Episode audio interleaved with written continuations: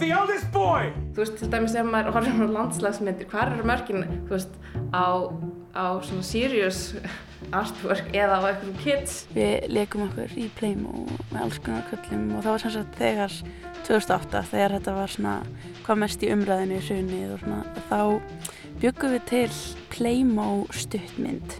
Valdamesti maður heims leitur af störfum Katrín Agnes Klar og börnin í sununu. Ég heiti Lóabjörg Björnstóttir. Ég er Kristján Guðjónsson, þetta er lestinn 25. september 2023.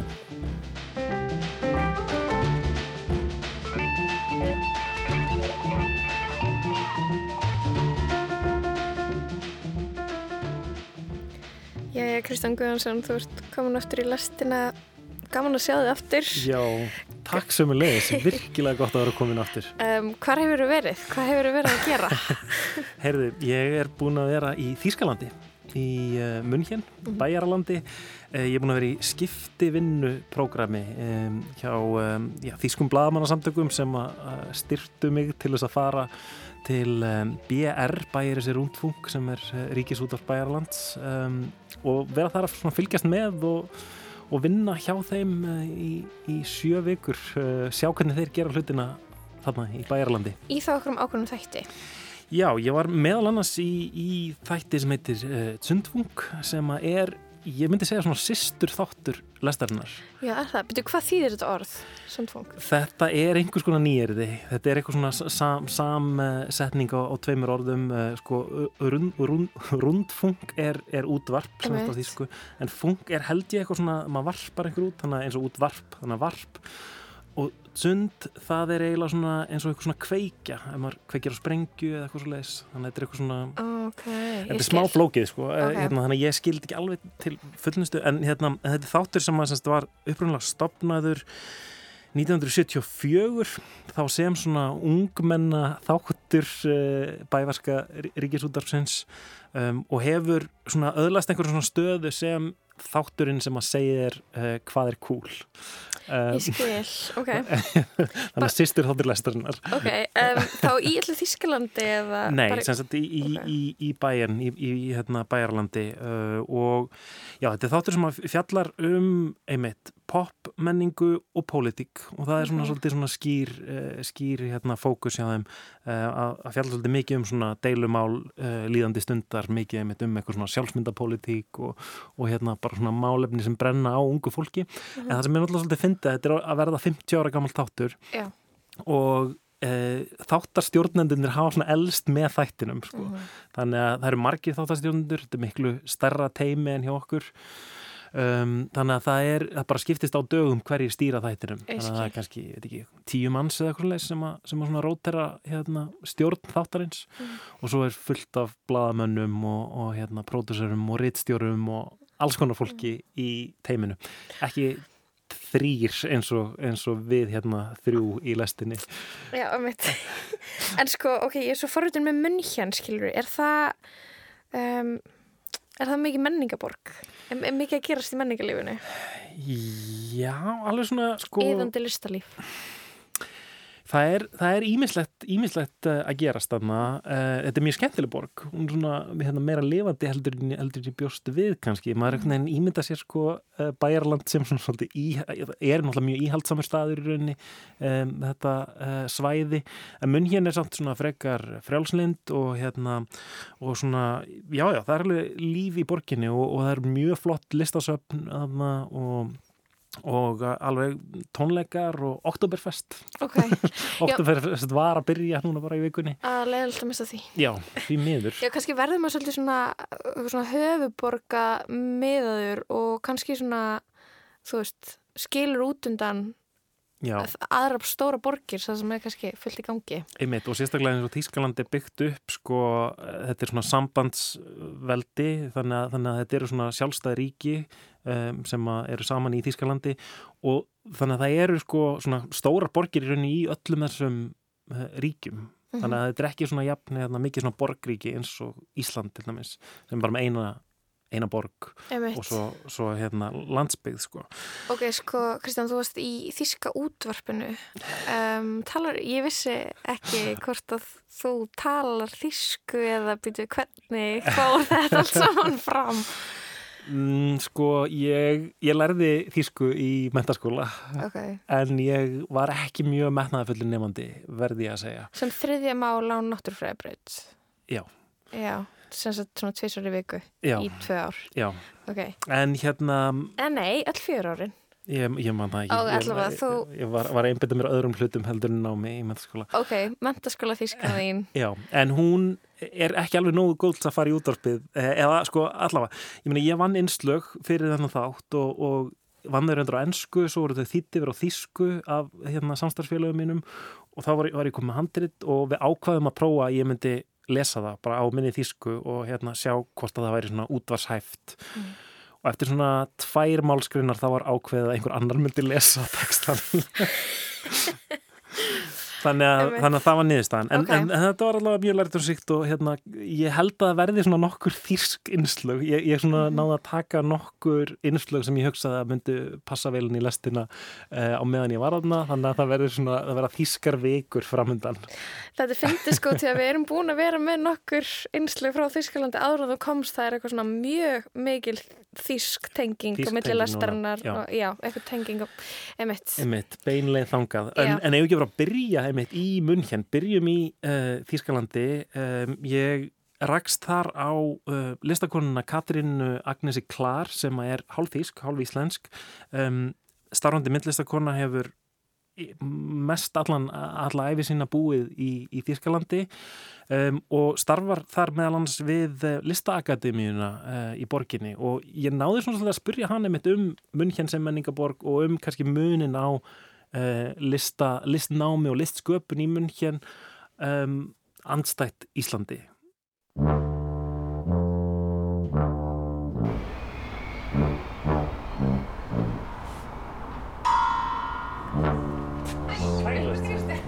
Það er gaman það er leiðis Við höfum aldrei Nei, það held ég ekki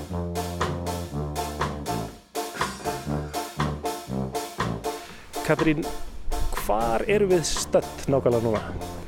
Við erum hérna stödd í Akademie der Bildenden Künste í München í söður Þýskalandi og við erum stödd hérna við aðal ingangin við gamlu bygginguna. Þetta er sem sagt 200 ára gamall skóli. Byggingin er svona 150 ára gömul og já þetta er sem sagt gamla byggingin og svo er ný bygging þarna sem að hérna kop himmelblá byggðu fyrir 20 árum síðan.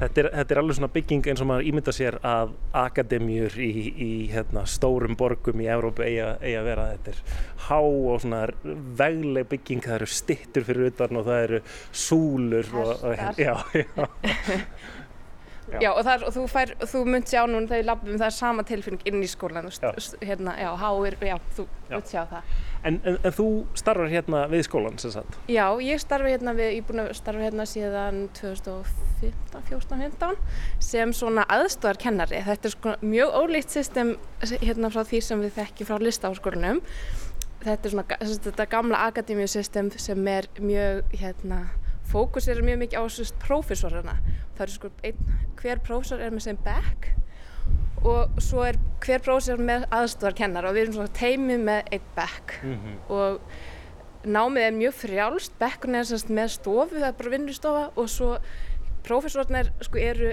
oftast mjög virkir bara á alþjóðlegum vettvangi þannig þau komum bara svona á nokkra vikna fresti og við semst aðstofarkennarnir erum hérna á staðinu. Já, ég meint.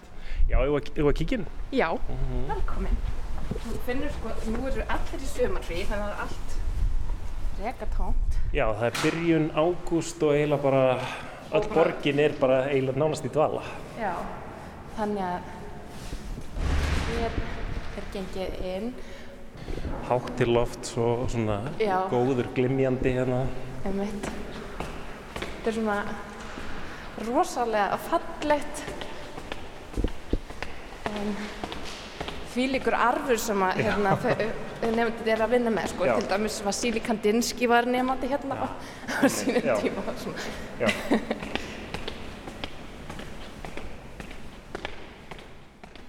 hérna gungum við inn gang sem er með svona bog, bogadregnu þaki og stórum Já. gluggum svona falleg byrsta hérna. Já, mjög. Heldur að þessi svona mikla hefð og mikla arfur heldur að þetta sé svona er þetta mikil, mikil þungi á axlunum á, á fólki? Sko almennt hei Sko almennt held ég, það er alveg, veist, ég var að ég er svona starfandi í báðum löndum á Íslandi og Ískalandi, það er svona viss sko, sko frelsi sem ég líka sjálf upplifi á Íslandi, hérna, einmitt ekki þessi þungi að vissileiti, mm -hmm. en svo er það náttúrulega líka rosa spennandi og, en, en hérna, já. Já, einmitt. Það þarf ekki að vera þungi en það er samt svona, já. Það er svona einhver... Svona listasaga og það er náttúrulega líka í svona byggingu. Já, mér finnst maður alveg að finna fyrir því. Mm, það verður eitthvað svona meðvitund um að, að, að maður sé í einhverju hérna, línu eða einhverju svona einhverju hluta, einhverju sögu. Já, svona listasagan, byggi og allt þetta. Já, þetta er svo að, já, þú sér þetta er svo afgákandi. Við vorum sérst að taka niður síningu, við vorum búin að mála þessa veggi og já, mér bara, og svo er þetta sérst vinnustofan þeirra. Já. Hérna er rauninni bara eh, svolítið af, af skrippborðum búkum hérna, sem er búið að koma upp en, en allt, allt farið, nú er eiginlega bara tómt. Já, nú er bara einmitt Já. og svo bara, í águst eru flesti bara að fara heim eða eitthvað í frí og já, og svo í september byrjaði eftir að vinna hérna. Þetta er mjög fullt eiginlega, þú veist, á með. Já, já. Og hvað hva er þetta fjölmennu bekkur sem að er Þetta eru er svona um 25 með Erasmus nefndum og svona, já. Já, þannig ég get ímda mér að það sé alveg vel, vel pakkað. En svo eru oft bara fáir sem vinna hér. Sem er bara að vinna heima eða eru með vinnustofu já, ekstra út í bæ. Ja, Það verður einmitt einn nefandi frá Belgiu, henni fannst sko að því hún kom úr svona BAM-kerfi sem er nú langa algengast mm. kom hinga, henni fannst þetta bara vera svolítið eins og svona residency-programmi program, yeah. bara með vinnustofu svo koma kennarinn bara svona, þetta er svona mjög lauslega þá hittist maður ræður verkin en það er svona kannski minni skóli þannig sé mm -hmm. kannski svona meira ráðgjafi já. sem kennari en svo er náttúrulega, já, svo náttúrulega þýjóriðan og allt það sem að þau geta allt nýtt sér Aha. En eh, þetta er semst ekki, er þetta ekki bíja semst að Emma, já, nei. Nei, þau eru nefnilega, þau eru alltaf að sko, hérna, að berjast á móti því. Já. Það er alltaf, þetta er náttúrulega ríkisregin skóli, þannig að eh, ríki vill það helst, mm -hmm. en þau eru búin að finna eitthvað svona millilega, það er hægt, þau þurfa alveg að taka eitthvað próf og svona sem, og þá er þetta svona, semst BA ekvivalent eða Emma ekvivalent. Mm -hmm. Það er mjög, já, ennþá mjög svona, sjálfstætt nám.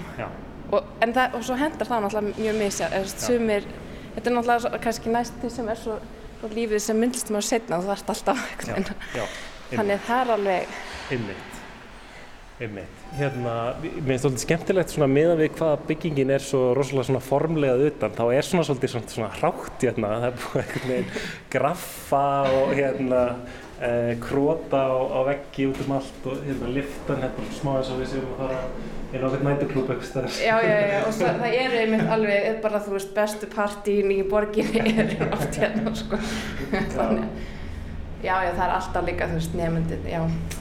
Jú, jú, það er alveg svolítið svona, hérna, já. Fjör. Já, fjör.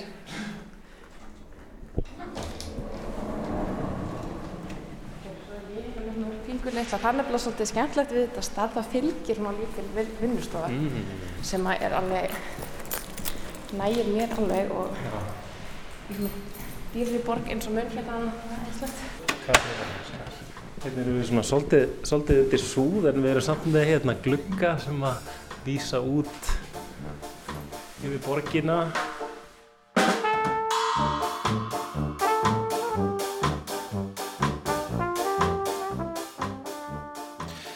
Við endum göngutúrin í vinnustofu Katrínar, lítið herbyggi undir súð en með fallegu útsýni yfir Max Forstadt hverfið. Skrippborð, fartölva, útprentaðar ljósmyndir og ímisverki vinslu á veggjum og í hillum. Og Katrín segir mig frá bakgrunnu sínum, mamma hennar íslensk en pappi þýskur. Og ég er svona að mestu alveg upp eiginlega hérna, eða rétt hjá, bara nær alpunum. Mm. Og mamma mín er myndistamæður líka og hún hérna lærði á sínum tíma hérna í listaakademíunum líka. Já, þannig að þetta er svona þannig ég er með rætur hingað. Katrín fór í nám í því sem var og er líklega enn kallað New Media myndlist í nýjum miðlum. Já, það var sérst í skóla í Karlsrúi sem er ómerkileg borð bara í hérna, vestur hluta Þísklands en þessi skóli sérst, uh, University of Arts and Design er sérst statur í ZKM Center for hérna, Media já, ZKM Já og það er rosalega sko mikilvæg stopnun einmitt í sérst medialist. Þannig var áherslan á nýja miðlalistarinnar og nýja hugsun um myndlist í nútímanum. Og síðan þá hefur Katrín Agnes Klar prófað sig áfram með hérna ímsu miðla. Hvort sem það eru ódýrt prentuð plakut, farsímaljósmyndir, vefmyndavilar eða forsíða Íslensks dagblads. En verkennar mynd príti forsíðu fréttablaðsins í fyrra. Katrín heitlaðist þó einning af hefbunnu formlegu nálgunni í listakademíunni í München og var fljótlega komið með stöðu þar og hefur haft sínar aðal aðsettur þar síðan. Hérna München, hvernig, hérna, hvernig borg er þetta svona fyrir listamenn? Eins og þú segir þá, þá fara kannski flesti til Berlínar og, og ég held að flestir íslendingar hugsa um Berlín sem svona menningar miðju eh, Þýskalands eitthvað neginn. Hvernig, hvernig er, er München fyrir, fyrir listafólk? Sko hún er mjög ólík, hún það, sko, það eru stór söfn, alþjóðlega síningar koma hérna en það er kannski minni að gerast í svona, þú veist, litlu jújú, það er alveg um, þú veist, listamannar ekki rými og svona, en, náttúrulega mun minna enn í Berlín. En svo náttúrulega hefur það því svona kosti hérna að borgin er, þetta er náttúrulega ríkari borg og það, senan er minni, þannig það er náttúrulega möguleikar í Berlín, það er náttúrulega mjög margir sem flytja til Berlínar eftir námið og svo tínast bara algjörlega, þannig það er svona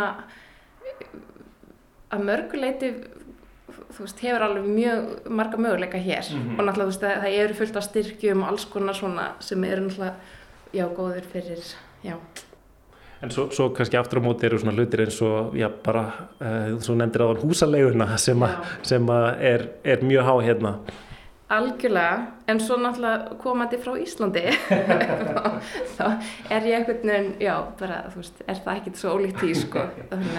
Katrín nefnir líka söpnin í München, það sem að hangir uppi klassisk myndlist, mörga meistaraverkum listasögunar, hvort sem það eru fornmunir frá Egiptalandi, endurreysna meistaratnir, 19. öldin, 20. öldin, framúrstefnan, já, eða samtímalist. Allt er þetta í gungu fjarlæg frá listaakademíunni í München. Já, algjörlega og ég, ég fann sko, núna þegar ég var svona lengi á Íslandi, ger, ég gerði mig fyrst, uh, fyrst á grein fyrir hvað það er æðislegt að geta farið og séð einmitt orginalverkin og við gerum það mjög mikið með nefndana ef við tölum um og bara þú veist, förum kannski bara þú veist að sjá eitt verk eða bara þú veist, bara í kortir eða eitthvað. Þar sem við sitjum í vinnustofu Katrínar Agnesar leita augun mín að verkum í vinslu sem hanga á veggjum.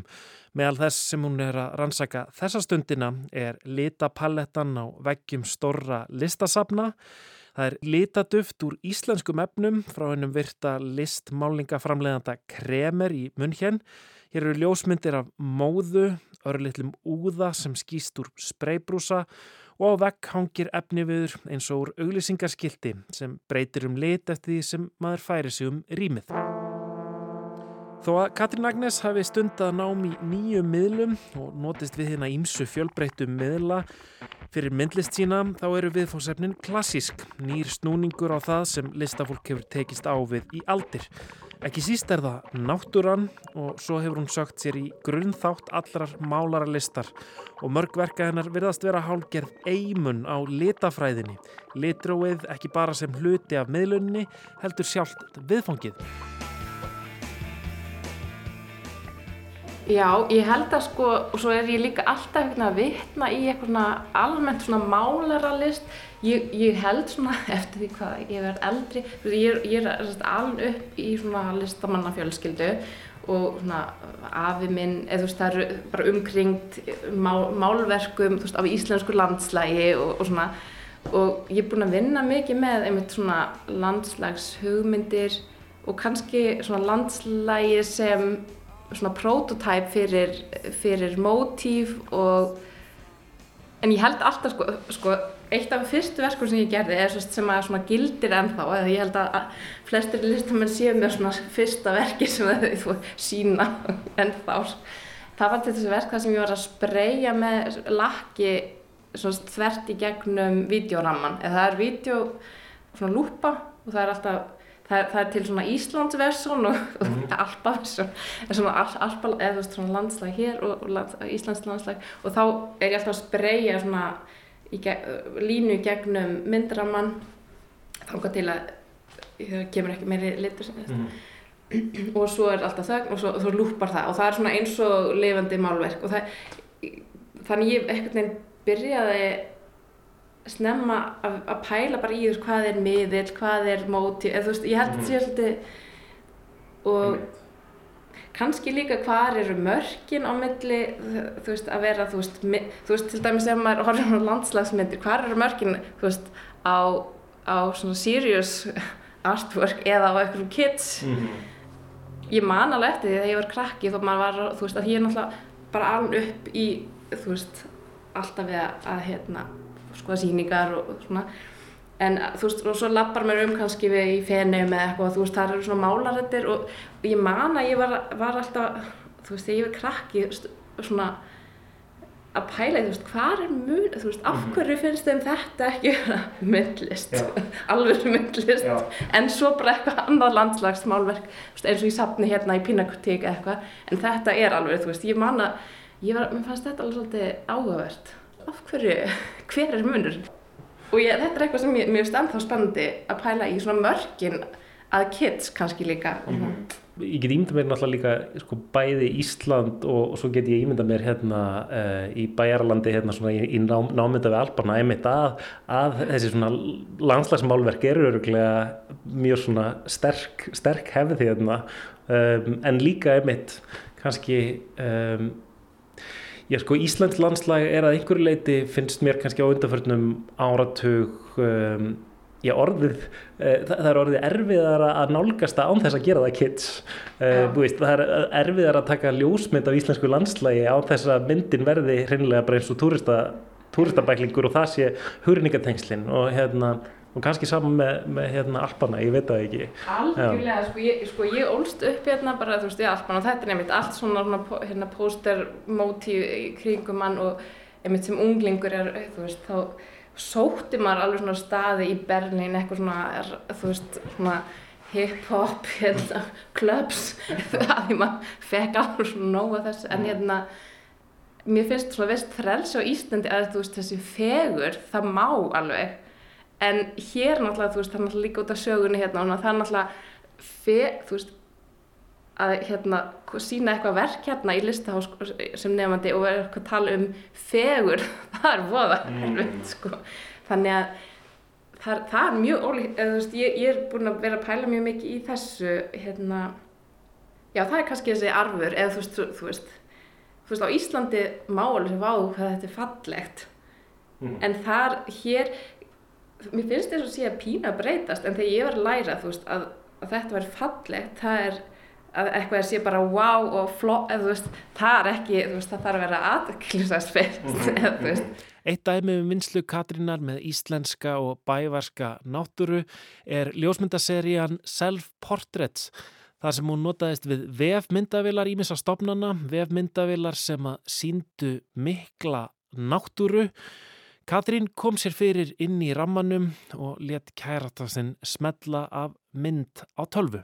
En þarna var ég alltaf að leita aðeins vefmyndavélum sem að voru að mynda svona malerísk landslög mm. og bara helst náttúrulega með, með engu á þú veist, engu, þú veist, engu sem væri ekki náttúra sem sagt og já, þetta er svona sérið þá sum eru á Íslandi og sum eru hérna í Ölpunum Er þetta þá vefmyndavel hvað frá vegagerðinni eða eitthvað svoleiðis? Já, þess, það er til dæmis hérna einn frá vegagerðinni oftast er þetta svona veður veður hérna stopnarnir sem eru enn held ég með þessar vefmyndalar mm. já og þá, og þá semst fór og ég semst fór og oft er þetta einhverja svona remote uh, staðir mm -hmm. og ég fór semst tangað og reyndi og svo var þá, þetta var sérst fyrir tíma snjálfsímans þannig að sérst maðurinn minn satt heima fyrir rántærfuna og ég, og ég fór hérna með síma og hann hjálpaði mér að finna þú veist, já, nú ert í myndinni.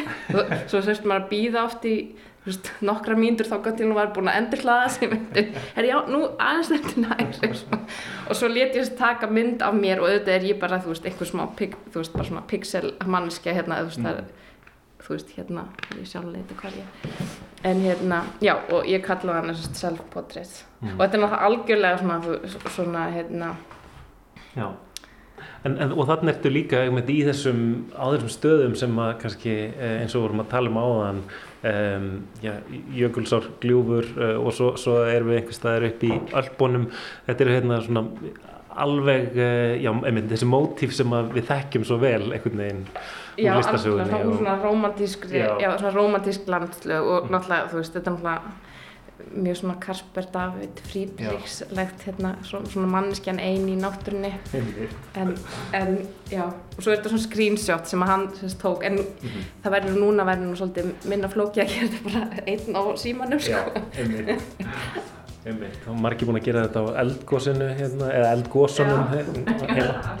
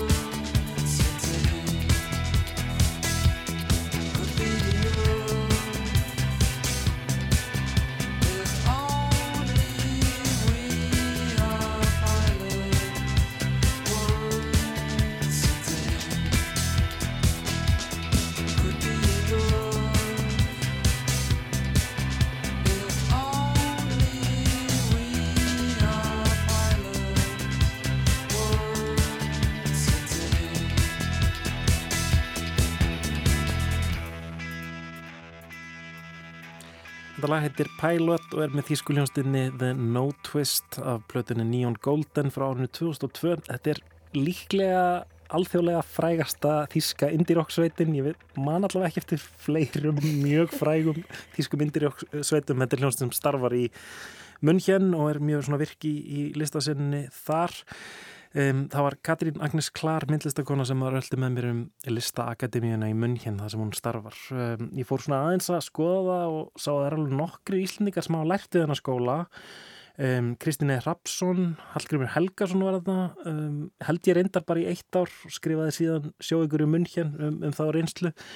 Svafa Björnsdóttir Inga Ragnarsdóttir sem er mamma Katrínar Agnesar og svo las ég að Guðmundur frá miðdal um, sæðist hafa stundar námaðna uh, á fyrirluta 20. aldarinnar en uh, svona sakfræðingar uh, hafa svona síðan verið að gíska á það að líklega hafa það ekki verið rétt hann hafi ekki verið við námaðna hafi kannski bara kíkt á einhverja fyrirlestra mm. og svona mm. aðeins gert meira á reynslusinni þegar hann kom heim til Íslands Ok það verður þótt fínt að vera mentaðir frá munn hérna. Um, við ætlum að fara 15 ár eftir í tíman, eftir rétt rúma viku verða legin 15 ár frá því að glitnir var þjóðnýttur, svo voru sett neyðarlög, Guð átt að blessa Ísland og enginn vissi hvað kemur næst. Óvissun var í hámarki þarna mánamótin september-oktober 2008 En árið 2018 köfuðu þau Gunni Tómasson og Þorgerður E. Sýrðardóttir ofan í þetta tímabili í þáttunum nokkri dagar í frjálsu falli. Við erum búin að vera að fleitja þess að þætti aftur hér í lestinni. Við erum komin að þriðja þætti í dag og í honum fáum við að heyra hvernig börn uppliði þetta tímabil. Og til okkar á morgunvaktina er komin Guðbjörg Þóristóttir, skólastöður í Breiðækjari skóla. Það var fallegu dagur í, í borginni í gær og lífið virtist ganga sínum aðra gang, bílatinn kerjum göduðnar og fólk á ferli. En hvernig taka börn uh, því ástandi sem nú er í þjóðfélaginu? Já, börn eh, hlusta á fréttir og þau hlusta og fylgjast með því sem að hérna, bæði líðan fullortna fólksins og þeirra orð og ef að ekki er hugað að því að, að svona kannski lífa þeim við áhyggjum, þá er þau mjög fljótt að skinja það. Ég heiti Úlur Stíksson og ég var 8 ára árið 2008 og ég gekk í Östubæðarskóla. Ég heiti Erna Sólei Áskrimsdóttir og var 8 ára þegar hrunni var. Ég heiti Ástur Láristóttir og ég er nefandi í MR og er 18 ára í dag og var 8 ára 2008. Sko það tók kannski ekkert rosalega mikið eftir þessu en það var samt alveg, það var alveg fólkdra mínu voru til dala nýskildir á þessum tíma og það var svona svolítið, núlusúpa og fiskur í matinn meira en kannski eitthvað annað. Og veist, við, það var svona pínu tímabil að maður átti pínu erfitt, skilur við, var einhverju pínu lítill íbúð og og svoleiði, sko, en, en minni ís á laugatum og, og svoleiði, skilur við Ég náttúrulega var bara áttara þannig ég man ekki mjög mikið svona eftir nákvæmlega hvað gerðist en það var samt mjög skýrt, það var mjög ríkjandi bara reyði í fólki. Og bara allir, allt þetta fullenda fólk var alltaf að tala um eitthvað rosalega mikilvægt og maður vissi alveg greinilega að það hafði eitthvað, þú veist, það gerðist eitthvað slæmt. Og ég vissi að þú veist, margir höfðu tapað peningum á þessu en þess að ég skildi það bara þannig að bankabækunar hjá fólki hefði bara nullast og fólki ætti bara enga peninga lengur. Þannig að ég kannski var ekki alveg með þetta hreinu en svona í gróðum dráttum skildi maður alveg held ég meira en kannski fullan af fólkið held sko að maður skildi.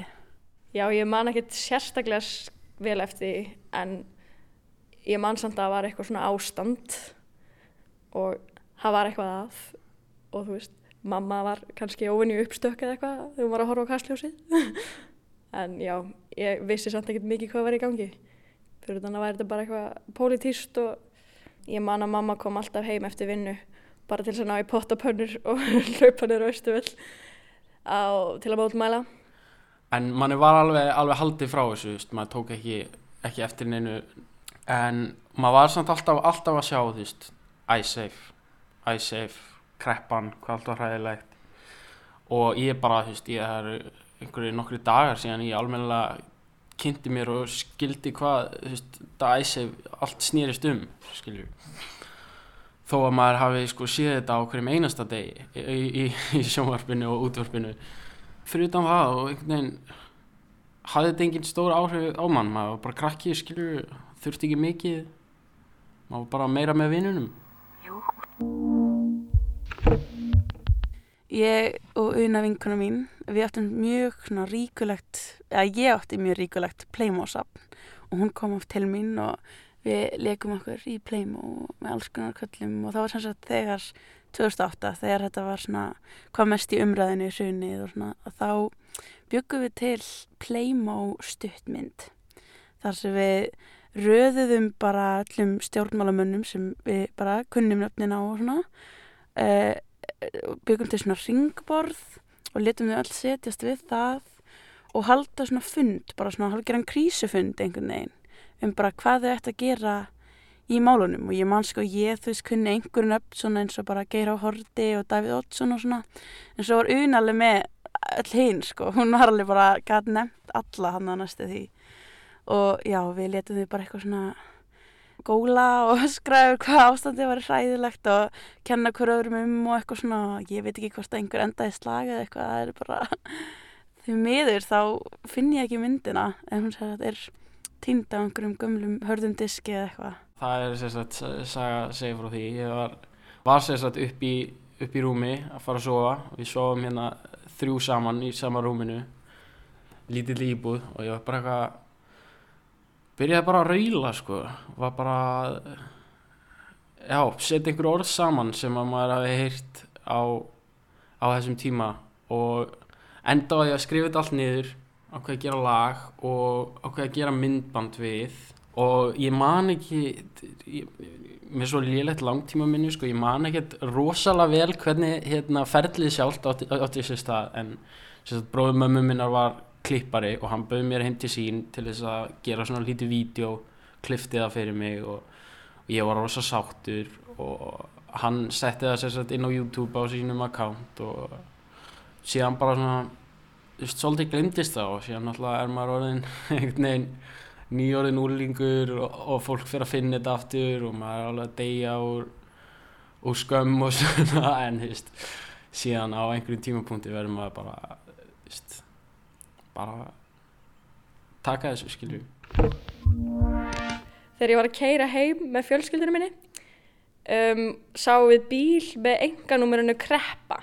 Og það var jeppi minni mig og ég man með þess að hvað það var þetta var á hotninu á ringbreytinu á Bræðraborgastík og við eitthvað svona hlóðum að þessu. Og steinunni sýstu minni, litlu sýstu minni henni fannst þetta rosalega fyndið eða svona frekar töff eila frekar.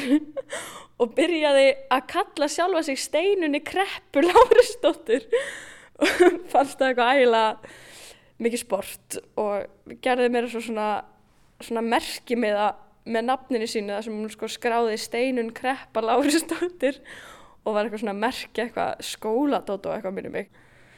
Með hérna, henni fannst þetta rosalega fallegt nafn, sem sagt svona gott millinafn. Mamma var ekkert mjög hrifin að því samt mannig þetta lifið ekki lengir sko.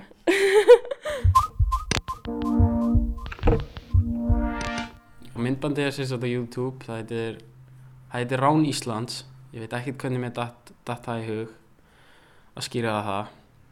Um, þetta er bara þetta er rosa rosa mikið af nöfnum sem maður var að heyra á þessum tíma hendinn í bara einhvern veginn kólarangar aðstæður og þú veist að þau bara gera á horti og Ólafur Ragnar og, og þessi orð og þessi nöfn og þó maður skilja ekkert hvað það snúist um eða hvað sé á baku þetta þá veit maður alltaf, maður veit hvað er eða þú veist, maður þekkir þessi, þessi líkilorð sko, æseg og, og þú veist, fórsetisráðherran og, og fórsetan og og sjálfstæðisflokkurinn og bara svona veist, svona hugtök og, og orð sem að maður var að heyra rosa mikið og maður bara einhvern veginn bjóð til sinni einn litla texta í kringu það.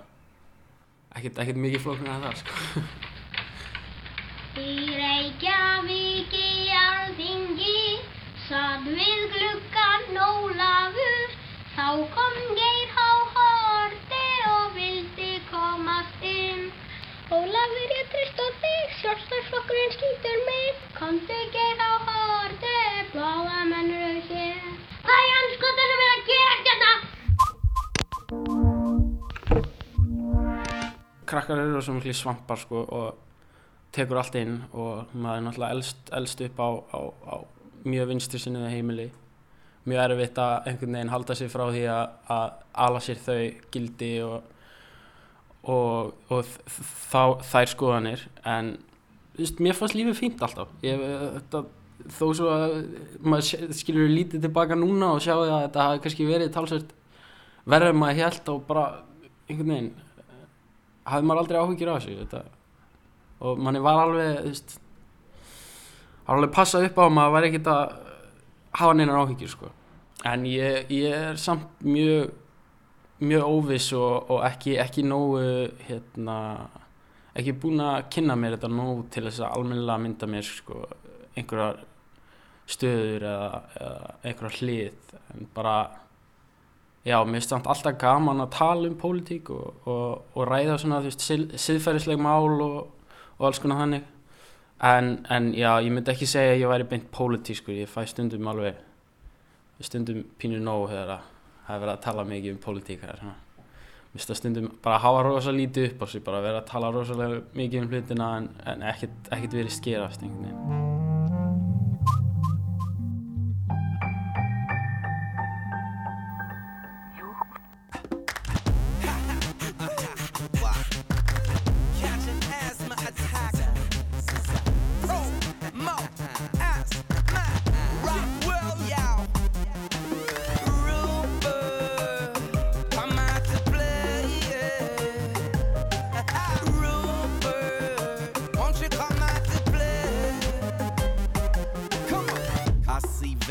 Bullets ripping through flesh. I'm itching to pull it, man, isn't it fresh? To his eardrums where I put it, like, listen to this. Mission accomplished, LOL. Cause it wasn't complicated at all. Still, my accomplish wishing that he'd never gotten involved. Cause now we all over Fox News. They spread propaganda that's not true. Saying some Arabic terrorists did it. Fuck you! I did it and I take full responsibility. I'm shooting at my enemies. And keep doing it by any means.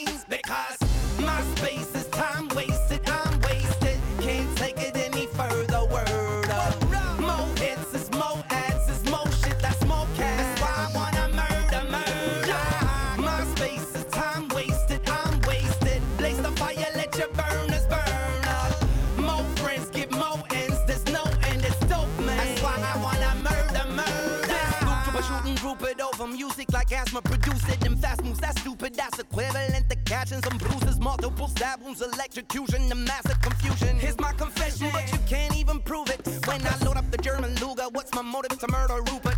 I'ma tell you what the truth is. You ain't putting up with no excuses. No, it's not cause he own 99% of all media. That's not why he dying lying on the floor bleeding now. It's not cause I might believe that he's a part of the conspiracy. That I hate Fox News interviews they distribute from off my TV screen. But I hold him responsible for killing my creativity really mean.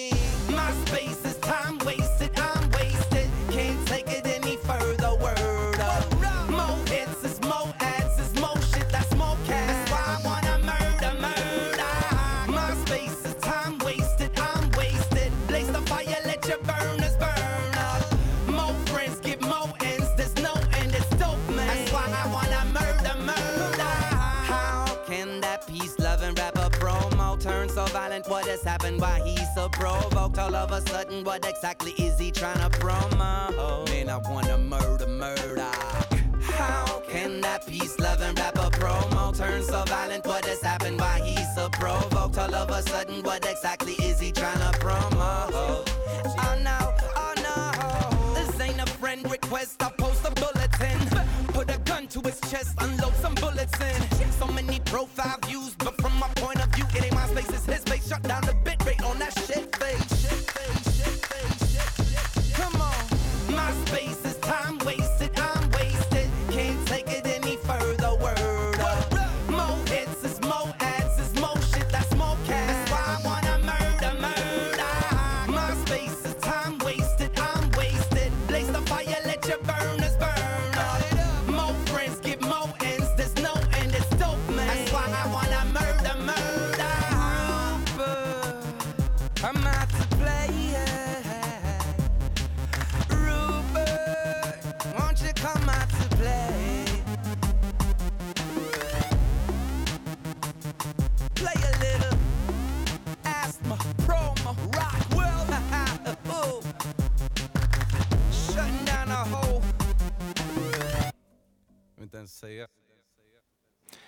Þetta er sænski rapparinn Promo úr hljómsveitinni Loop Troop með lag frá árinu 2007 þarna á eftir um, inslægi frá þeim Guðuna Tómasinni og Þorgerði E. Siguradóttur um, Nokkri dagar í frjálsu falli sem við verum að endurflytja í tilefniða 15 ára afmæli Rönsins En já, þetta var Promo, sænsku rappari, mikil Íslandsvinur sem að um, syngur þarna um Robert Murdoch og áhrif hans á heiminn. Murder Murdoch heitir þetta lag mjög svona uh, Skilabóðin er ekki veit eitthvað svona Nei, það er ekki verið að dilja uh, afstöðans hann, hann er náttúrulega há pólitískur rappari. Mm -hmm. þeir gerðu frábæra plötu uh, lúpturum sem hétt Fort Europa og fjallaði um flottamannamálin og núna er hann einhvern veginn uh, bara búin að fara í laganám og er farin að berjast uh, fyrir hælisleitendur sem lögfræðingur ekki bara að syngja um málefni uh, flottamanna. Ég fæ svona kvíðaði að heyra þetta svona já kannski ættu við líka bara að ég veit ekki, fara að gera eitthvað praktíst. Nei, ég segi svona En allavega, þarna árið 2007 er Rúbert Murdoch eh, fjölmjölamógullin eh, þá þegar orðin svona svolítið vondikall eh, í hugum margra. Það jógst nú bara með Succession sjónvastáttunum sem voru byggðir á fjölskyldu og æfi Rúbert Murdoch að einhverju leiti. Þeir snýrist um að hann væri að finna sér eftirmann, þessi valdamikli maður og núna er Rúbert Murdoch uh, loksins 90 eitthvað ára gammal hættur uh, að stýra veldinu sínu og er búin að velja sér eftirmann. Já, en það ef við ekki bara rifja upp eitt erfiðasta augnablík úr sjónvarpsögu, allavega fyrir mig persónulega, hérna úr loka þetta fjóruðu sériu af Succession.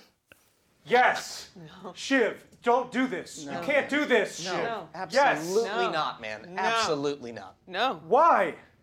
No, why? What, just... I love you. I really, I love you, but I cannot fucking stomach you. This is fucking disgusting. It's disgusting. It's disgusting. You're disgusting. You're fucking heartless. What? It's fucking nuts. It doesn't even make any sense. I'm the eldest boy. I am the eldest boy. You're not. And you know, it, this, it mattered to him. He wanted this to go on. Well, I mean, she's the bloodline though. Logan Roy, fjölskyldfæðurinn, hann deyr og það er eitthvað svona, það stendur eitthvað í erðaskrá og svo er haldin eitthvað stjórnafundur og þannig er þess að elsti sonurinn, hann að Kendall Roy er einn að færa rauk fyrir því að hann er að taka við rekstrinum og raukin eru fárlega góð, hann er elsti strákurinn, auðvitað á hann að taka við fjölskyld, fjölskyldufyrirtækinu. En í raunveruleikanum þá fór það þannig að, að Rupert Murdoch fættur árið 1931 31. Já, 92 ára gamal hann stýur til hliðar og það er elstisrónur hans Lachlan Murdoch, hann er 52 ára. Hann tekur við, hann mun sigla skútunni. Wow, hann tekur við krúnunni, hann mm. verður bara einn valdamesti maður heimsa því að Rupert Murdoch hefur núna bara í áratögi e, átt fjölda fjölmiðla Sun, Times Fox News uh, Wall Street Journal, New York Post. Og í raunni svona bakvið tjöldin sko haft gríðarlega áhrif á hver er kosin uh, fórseti og, og, og fórsetisráðara Breitlandi og Bandaríkjónum Já, já, hann hefur stýrt umræðinni, um, hann, hann velur sér eftirleitis uh, stjórnmálumenn og stjórnmáluskoðanir, hann er með bein tengst inn til valdamesta fólks í heiminum. Mm -hmm. En ég meina, um, en þó maður eigi fjölmiðl, þá þýðir það kannski ekki endla samt að maður ráði hvaðan fjallum eða hvað? Nei, ég mitt, sko, en já, í COVID, þarna þegar allir voru einhvern veginn farnir að fjárvinna í einhverjum resa sveita höllum í viðast hverjum heiminn, þá hérna fór hann að senda tölvuposta og tölvupostanir hans Rupert Murdoch lágu og þá, þú veist komið svolítið svona frekar óyggjandi um, sönnugögn um að hann væri að hafa áhrif á orðalag í bara einstaka frettum. Okay. Þannig að, mm. já, já, hann skiptir sér mikið af. En svo er það náttúrulega líka bara einhvern veginn svona stóra myndina, ég menna þessi fjölmjölar sem hann hefur verið með hafa verið mjög mikið að í rauninni polarisera samfélagið Fox News náttúrulega gengið út á þetta og, og svo sem líka bara Sun í Breitlandi og svona. Þannig að það er svona arliðansir hérna ansi eitruð eitthvað mm -hmm, Já, arliðansir kannski að hann var að reyna eitthvað að hafa áhrif á, á tilfinningar áhörenda og lesenda og stjórnaði þannig og þannig, þú veist, mm. þannig keir upp áhorf og... Frettir sem skemmtefni, kannski á einhvern hátt. Já.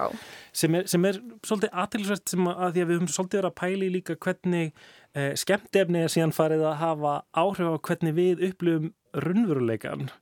Mm. Eh, til dæmis þegar við heyrum um Rúbert Murdoch þá, þá hugsaum við bara um Succession þá hugsaum við um skemmtefnið sem, sem fjallar, ekki, fjallar ekki um heldur eitthvað svona á einhvern nátt byggt á Rúbert Murdoch þannig að skemmtefnið er farið að móta upplifun okkar á raunveruleikanum uh mhm. -huh. og ég sé hvernig þú veist frettir eru skrifaður um þetta þú veist önnur eh, ekki önnur hver en svona marga frettir eitthvað neginn uh, undirstryka eitthvað punta sem að tengja þetta við sjónvastættina, Succession og ég held við séum að upplifa til dæmis bara þessa afsögn núna allt öðru sem heldur við hefum gert fyrir 10 árum eða 15 árum þegar hann var þetta illmenni sem rækit á fjölmjölaveldi sem var að reyna að uh, neginn uh, koma republikunum alltaf til valda og, og, og stjórna narratífinu í ykkur ákvæmna átt. En núna hugsu við um Logan Roy og Kendall Roy og kannski erum við orðina en sympatískari í afstöðu okkar gagvarstæðum út af því að þeir voru bara ríkjur valdamæklir svona baktjálta makk menn mm -hmm. sem að, jú, það var eitthvað svona ákveðin ímyndaðum í fjölmjölum en svona Uh, kannski ekki að einhvern veginn mennskir. Einmitt, þannig að það er einhvers svo mannleiki. Um, en já, allavega núna Lachlan um, ég ætla að segja Rói, þannig að Lachlan Murdoch tekur núna við Murdoch fjölmjölaveldinu elstistrákurinn um, það verður aðtiklisvært að sjá hvort að hann haldi áfram á sömu vekkferð og pappan hefur verið undanfarnar áratví Mér skilst hann ætla að leggja áherslu á histafrana eins og Kendall eins og Kendall Rói vil gera. áfram heldur raunveruleikin að, að líka eftir listinni. En allavega, við erum komin að leiðalogum í listinni þennan mánudaginn. Eh, erum búin að vera í München eh, í hruninu og núna síðast eh, með ástrálska fjölmjölamókulunum Rúbert Murdoch. En já, við erum komin að leiðalogum Já, tæknum aðri dag var Lítja Gretarstóttir við Kristján og Lóa þakkum samfélgin í dag. Þakka til á morgun. Verðið sæl.